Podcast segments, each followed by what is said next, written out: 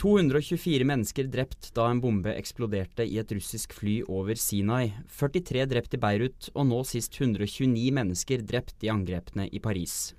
I dag skal vi snakke om hvordan disse grufulle terrorhendelsene vil påvirke omverdens tilnærming til IS. Og én ting er de fleste enige om, IS må knuses. Men hvordan skal de gjøre det? Jeg heter Tarjei Kramviken. Med meg for å forsøke å svare på disse spørsmålene har jeg Aftenpostens europakorrespondent eh, Øystein Langberg, Aftenpostens Russland-korrespondent Per Anders Johansen og USA-korrespondent Kristoffer Rønneberg. Og vi starter med deg, Øystein. Hvordan har Frankrike svart på disse angrepene? Nei, Jeg tror en mann jeg snakket med denne uken oppsummerer det veldig godt. IS har nå vist at de kan ramme hvem som helst, hvor som helst, når som helst. Og han sier at han kjenner på et helt annet sinne enn han gjorde etter Charlie Hebdo. Da rammet de en, en tydelig De rammet ytringsfriheten, eh, og de rammet et tydelig mål. Og det var jo selvfølgelig store, stor støtte i Frankrike etterpå. Men nå har de på en måte ramma de unge. De har ramma midt i folkedypet. Folk som er ute på restaurant, folk som er på kafé. Eh, og Derfor så tror jeg det er et helt annet sinne og en helt annen redsel og en helt annen krav til handling nå. Mm. Og, og, hva er det Frankrike nå kan uh, gjøre for å hindre at dette skjer igjen? Det er jo interessant å se f.eks. president Hollande, da, som, som, jo er en, altså representerer sosialistpartiet. Han ble sett på som en lillebror i Europa, uh, og har vært egentlig litt borte etter at uh, duoen Sarkozy-Merkel forsvant. nå står han midt i sentrum, som en av de virkelig store krigshaukene i Europa. Eh, Frankrike har gjennomført eh, hundrevis av aksjoner de siste dagene. De har forlenget unntakstilstanden til langt ut i neste år. Ehm, og de har også økt bombingen av IS. Jeg tror folket krever at noe skjer, og Hollande gjør som de vil. Eh, før var det jo USA som ble um, forbundet med haukene. Vi husker jo at det var Jacques Chirac som holdt litt igjen, uh, bl.a. i 2003. Kristoffer eh, Rønneberg i New York. eh, Obama har vært ganske tilbakeholden og hatt ganske strenge restriksjoner på hvem amerikanske styrker kan bombe. hvordan kan dette påvirke USAs politikk? Altså Jeg bodde i, Washington i 2003 under Irak-krigen og husker veldig godt at de, at de omdøpte French fries til freedom fries i, i Kongressen fordi de mente at franskmenn var for feige til å være med i krigen. Og nå, nå er rollene litt byttet om. Altså, vi, vi, må huske at Obama, Da han ble valgt i 2008, så ble han valgt fordi han lovet amerikanerne at han skulle ta landet ut av krigene i Irak og Afghanistan. Og Det er et løfte han har vært veldig opptatt av å holde. Uh, han har jo ikke klart å holde det. Uh, Riktignok trakk han styrkene ut av Irak, men i Afghanistan så er de der fortsatt. Og nå er de jo på full fart inn igjen i, i Irak og i Syria. Så jeg tror det forklarer hans eh, skal vi si, nølende holdning til å engasjere seg i større grad i Syria. Og, det gjør han veldig sårbar for angrep fra alle hold. Eh, mm. ikke bare fra republikanerne, som gyver løs på ham eh, hver mulighet de, de, får. Det er jo naturlig i en, i en valgkamp. Men også fra, fra, folk som Hillary Clinton, eh, som nå håper å bli demokratenes presidentkandidat. Hun har en helt tydelig mer haukete tilnærming til, til dette her. Og, og, nå ser vi også at uh, det blir nok et spennende møte mellom Hollande og, og, Obama når den franske presidenten besøker eh, Washington neste uke. Obamas skal vi si, forsiktige tilnærming til krig i denne regionen gjør det veldig vanskelig for ham og gir ham et veldig lite handlingsrom i kampen mot IS. Ja, vi, ser vel at mange av lederne også i Europa har forsøkt å ta avstand fra denne hvis vi kaller det intervensjonisme-æraen under, under Bush og Blair. Men jeg tror nok man kan si at pendelen vil slå litt tilbake nå. Det er vanskelig å argumentere for at dette bare skal gå sin gang når det har kommet til Europa og kan komme til USA. Mm. Det er litt som i uh, Gudfaren 3, hvis dere husker når Al Pacino, uh, som da spiller den store mafiabossen, uh, står på kjøkkenet og sier Just when I thought I was out, they dragged me back in. Det er vel litt av det Obama føler akkurat nå, tenker jeg. Eh, men kritikerne til Obama, eh, hva er det egentlig de vil at USA og, og for så vidt også resten av Vesten skal gjøre med IS? Ja, det er et veldig godt spørsmål. Eh, fordi det er ingen som har lansert spesielt konkrete planer utover å bombe. Jeg tror skepsisen til å sende et stort antall amerikanske soldater inn i Syria fortsatt er ganske stor. Så vi ser ganske vage alternativer fra kritikerne når det gjelder hva, hva amerikanerne skal gjøre. Jeg, jeg, tror det Obama får mest kritikk for, det er at han ikke har vist at han har noen god strategi for uh, å bekjempe IS.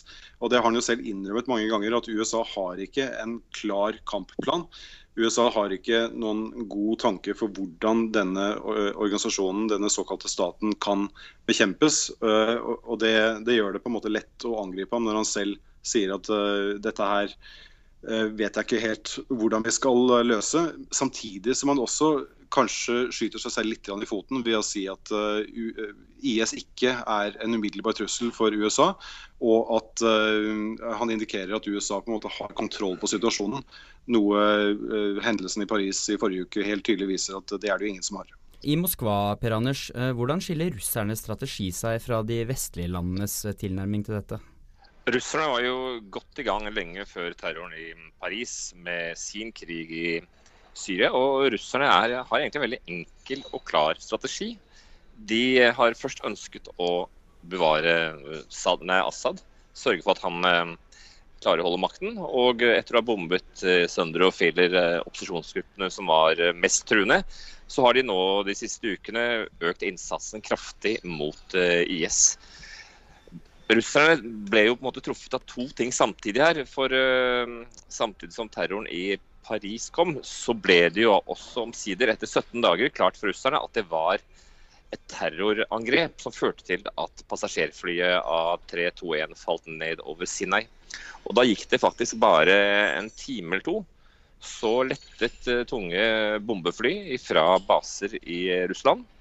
Og eh, for første gang eh, gjennomførte da altså russerne bombeangrep med tunge Tupolev jagerfly.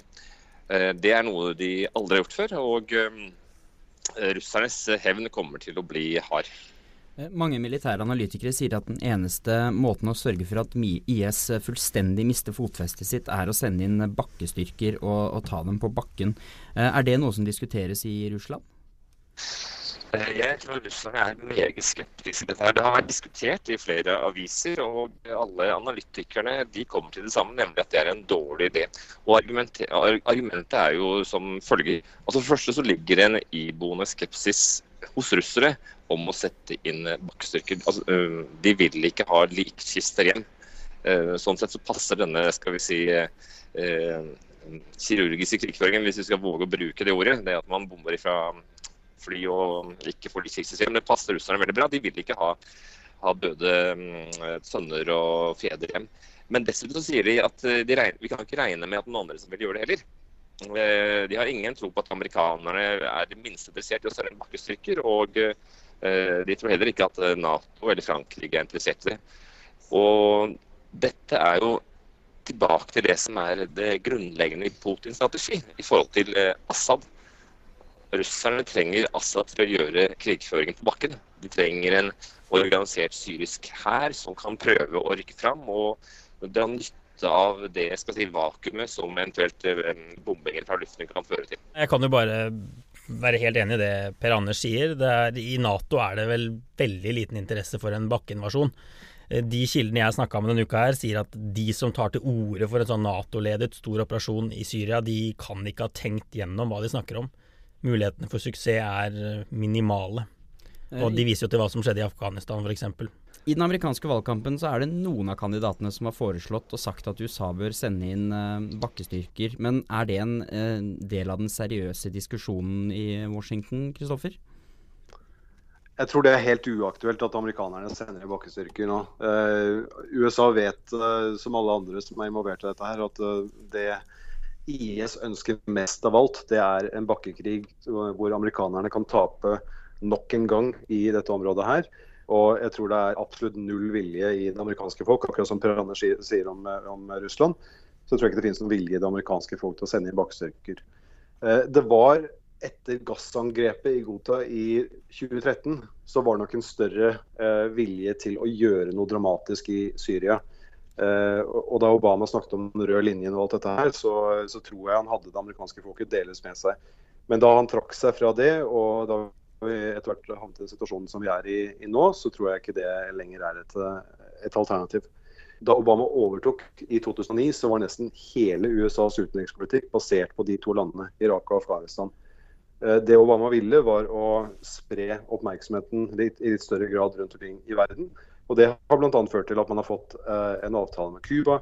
Man har fått til eh, en betydelig positiv eh, endring til et demokrati i Myanmar. Man har fått til avtalen med Iran, og man har fått et mye større og tettere samarbeid med landene eh, i Stillehavsregionen. Så jeg tror amerikanerne, selv om de er selvfølgelig veldig engasjert og opptatt i denne kampen mot IS, så tror jeg den kanskje er mindre viktig for dem enn hva vi i Europa skulle ønske at den var. Men det er også interessant å se at det er noe som rører seg et eller annet sted der. fordi F.eks. For så skriver det jo det seriøse magasinet The Economist i dag, på lederplass, har de en argumentasjon for hvorfor det kan være en idé med en bakkeinvasjon. Og det er ikke fordi man skal eh, opprette en ny stat og innføre demokrati, sånn som man skulle i Irak, men det handler om å, å ta fra IS territoriet sitt, evnen til å rekruttere og evnen til å tjene penger, rett og slett. Bare noen uh, dager etter at det ble klart at uh, det var IS som sto bak terrorangrepet mot russiske flyet, så begynte jo russerne å rette inn bombeangrep. Hey, I'm Ryan Reynolds. Recently, I asked Mint Mobile's legal team if big wireless companies are allowed to raise prices due to inflation. They said yes. And then when I asked if raising prices technically violates those onerous two-year contracts, they said, "What the f*** are you talking about? You insane Hollywood ass." So to recap, we're cutting the price of Mint Unlimited from $30 a month to just $15 a month. Give it a try at mintmobile.com slash switch. $45 up front for three months plus taxes and fees. Promoting for new customers for limited time. Unlimited more than 40 gigabytes per month. Slows. Full terms at mintmobile.com. Introducing Wondersuite from Bluehost.com. Website creation is hard. But now with Bluehost, you can answer a few simple questions about your business and get a unique WordPress website or store right away. From there, you can customize your design, colors, and content. And Bluehost automatically helps you get found in search engines like Google and Bing. From step-by-step guidance to suggested plugins, Bluehost makes WordPress wonderful for everyone. Go to bluehost.com/wondersuite.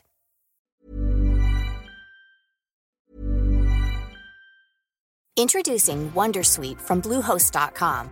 Website creation is hard. But now with Bluehost, you can answer a few simple questions about your business and get a unique WordPress website or store right away. From there, you can customize your design, colors, and content. And Bluehost automatically helps you get found in search engines like Google and Bing.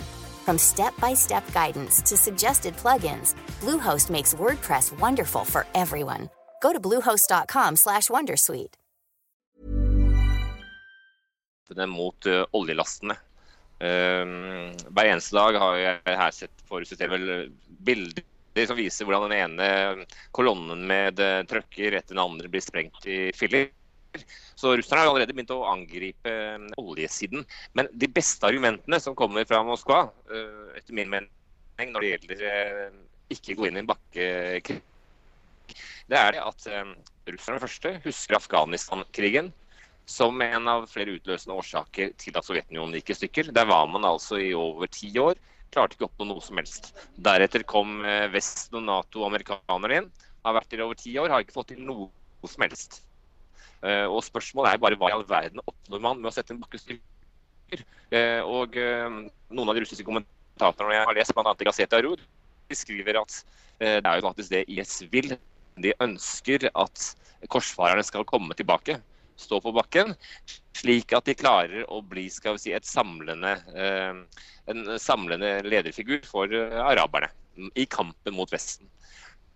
Helt klart at Sender Vesten inn 100 000 soldater i disse områdene, her, så kommer flere til å flokke seg rundt IS. Og uh, mange av de moderate og mer liberale kreftene i arabiske land vil føre, føle at eh, korsfareren er tilbake. Eh, amerikanerne blir ofte beskyldt for å ha en dårlig historisk hukommelse. Men man trenger ikke gå så veldig langt tilbake i historien for å, å se at uh, her er det noen, noen klokker som ringer. Uh, det er jo en grunn til at IS har blitt så stor som det er. og Det var at det, det ble skapt et maktvakuum i dette området pga. den amerikanske invasjonen av Irak i 2003. Og Det tror jeg nok at mange av de som angriper Obama i dag, kanskje har glemt, eller later som at de har glemt. Men jeg er helt sikker på at det finnes folk i toppledelsen i både USA og andre land som er helt fullstendig klar over at, at konsekvensene av en bakkeinvasjon i Syria og Irak kan bli veldig mye større og noen helt andre enn hva man kanskje tenker seg i dag når man ser for seg å bekjempe IS ved hjelp av bakkestyrker. Er det noen som har noen alternative metoder for å mm, få IS ut av disse områdene de okkuperer i Syria og i Irak? Jeg synes det var interessant å legge merke til at uh, russerne og Putin, uh, samtidig som de satte inn de tunge bombeflyene, også uh, gjorde det klart at det er over 40 land, eller organisasjoner i 40 land, som støtter IS. Som sørger for at IS-hjulet fòres med penger, med med mennesker. Eh, så det er klart at det er mulig å gjøre andre ting som vil treffe IS eh, hardt.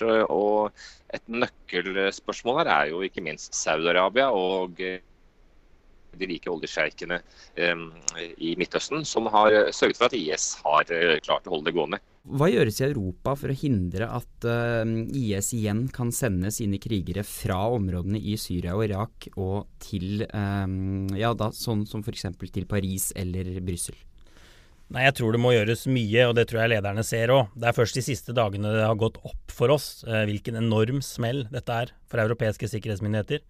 Frankrike visste altså ikke at han som er hjernen bak angrepet, kunne befinne seg i Europa før tre dager etter at angrepet var gjennomført. Og han var jo i Paris. Eh, og da var det utenlandsk etterretning som tipset de om det. Det var ikke etterretning noe sted i Europa. Så at det er mye som må gjøres, det er det jo ingen tvil om. Uh, og det ser vi jo både i Belgia og i Frankrike, at det blir satt i verk store ting nå. Eh, for i din hjemby eh, Brussel, det er jo der de flesteparten av disse terroristene faktisk kom fra. Hva er det som har foregått der? Nei, Det er jo det de forsøker å finne ut nå. og det er jo Ekspertene sier at dette er noe de har pekt på i mange år flere av disse krigerne har tilsynelatende fått reise mer eller mindre fritt mellom EU og Syria flere ganger for å planlegge terror og drive rekruttering. Like før angrepet på Charlie Hebdo så ble det plukket opp et signal i Hellas fra en av disse ettersøkte terroristene. Men da, han, uh, da, politiet var på plass, så var han borte. Og dette har skjedd om og om igjen.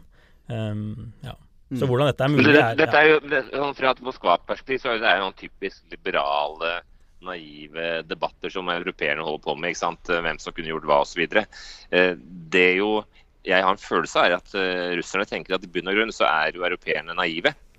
Uh, vi har på en måte vi, vi, måtte få en ordentlig vekker før vi reagerte.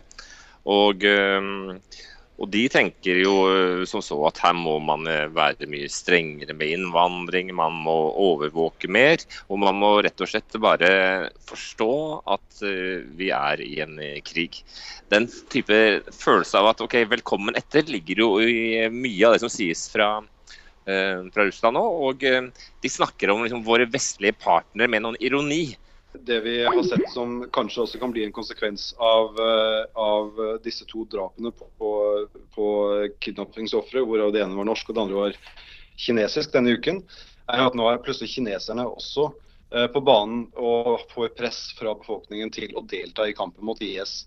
Så plutselig så har man nå en felles fiende på globalt nivå eh, som kan faktisk bidra til at en organisasjon som FN, som i alle år har blitt beskyldt for å være en prateklubb, og som i veldig stor grad fortsatt er det, men plutselig så kan jo nå FN få en rolle fordi alle de viktige landene i Sikkerhetsrådet nå er helt enige om at dette her er en stor trussel for verdensfreden, og at noe betydelig må gjøres. Det har også vært et initiativ eller en ting som eh, Putin og Russland er veldig klare på. at Skal man gjøre noe nå, så bør man sørge for å ha en, et FN-mandat. Så det brygger jo opp til at man eh, kommer fram til noe skal vi si, klare tiltak som eh, eventuelt hele FN kan stå bak. Og da, kan man jo, da, da har man frie tøyler. Eh, og Neste uke så reiser Francois Hollande til Washington for å møte Obama. Hva, hva tror du blir budskapet hans da, Kristoffer? Jeg tror han på vegne av uh, europeerne kommer til å be om en slags forsikring uh, fra Obama om at USA er med på dette her, på dette store prosjektet hvor man skal ikke bare slå IS, men også beskytte europeerne mot uh, ekstremisme og, og, den volden som man har sett i, i Paris nå. jeg tror man frykter litt i Europa at USA vender oppmerksomheten litt vekk fra kontinentet og over på andre steder i verden. Er det noe håp om at de tragiske hendelsene som har skjedd den siste tida kan føre til at um, Putin og Obama snakker eh, bedre sammen? Uh, kan begynne med deg, Kristoffer? Jeg syns jo at de bildene vi så fra, fra G20-møtet i Tyrkia indikerer at tonen mellom disse to verdenslederne er blitt en annen. At uh, USA ikke lenger har tid eller råd til å fokusere på altså Krim har man sluttet å snakke, snakke, om for lengst. Ukraina ser også ut til å forsvinne i glemmeboken. og selv russernes engasjement i Syria ser nå ut til å være noe amerikanerne kan, kan godta. Så jeg tror nok at dette med en felles fiende og et felles oppdrag bidrar til at Putin og Obama nå kan snakke bedre sammen. Men russerne har jo nå lenge ønsket å bli anerkjent, blir tatt inn i, den, eh, si, inn i varmen etter å ha vært en paria som følge av anneksjonen anneksjon av eh, Krim og som følge av det de driver med i Øst-Ukraina og har drevet med. Eh, krigføringen. Eh, men eh, så for russerne er dette noe de ønsker. De vil definitivt inn i, i varmen. Men de har jo en større plan enn det også. Altså Russland ønsker å bli sett på som en supermakt, som en eh, likeverdig partner til eh, USA. Og eh, det er jo det som er i ferd med å skje nå i Syriakrigen. Sett fra Putins side så skjer nå alle de tingene som han nesten bare kunne håpet på, hvis det er lov til å bruke det uttrykket. Krigen i Syria, terrorangrepet i Paris får stadig flere til å tenke at hans plan kanskje var riktig.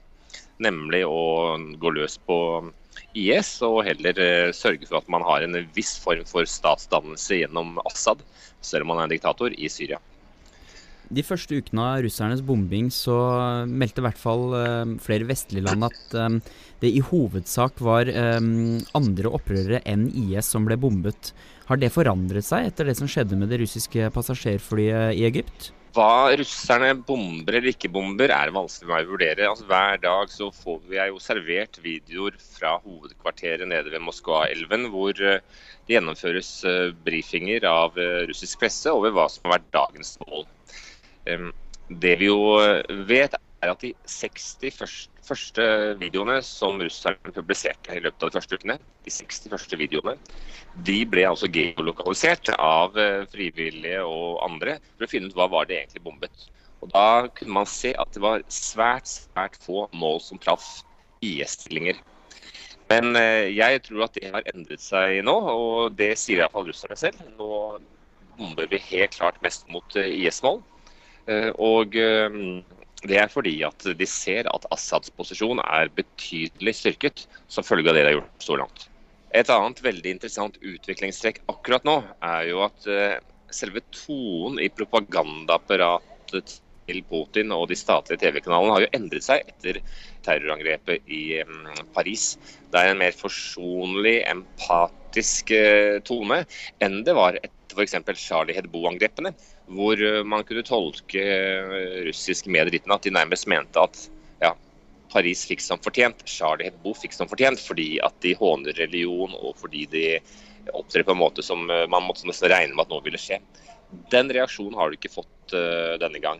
På andre siden så ligger det i fortellingen fra Moskva en sånn underliggende historie om at Europa er i oppløsning.